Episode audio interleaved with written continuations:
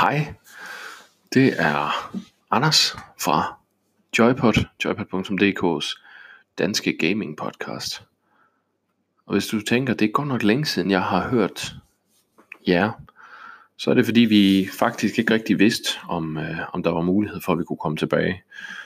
Øhm, der er sket nogle ting i øh, Joypad, som har gjort, at der er sket, kommet et par ændringer i forholdet bag.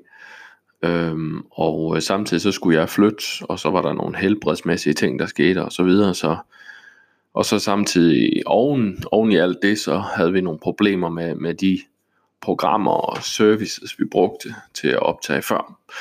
Det hele er skiftet nu. Vi er skiftet over til at bruge Anchor, som er helt fantastisk, som vi er rigtig glade for. Her kan vi optage, vi kan host, de hoster vores episoder og det hele med en suveræn grad af service, og det hele er gratis. Så det, det, er, det er helt fantastisk.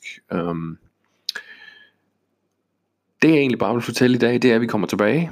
Uh, I starten af næste år vil vi fejre tilbagekomsten med den store Game of the Year 2019. Og det bliver den her gang Joachim, som det plejer, og mig, og Asmus, der skal kigge lidt på Game of the Year. Vi tager både Game of the Year inden for videospil, men også Game of the Year inden for brætspil. Og den her gang skal vi simpelthen diskutere om, hvad der bliver Joypad.dk's samlede videospils Game of the Year. Øh, normalt har vi jo bare taget hver vores top, og så er det det, men, øh, men her gang skal vi altså blive enige om én samlet vinder.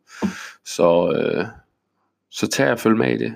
Vi håber, I vil komme tilbage og lytte med, og så ses vi i det nye år. Hej hej.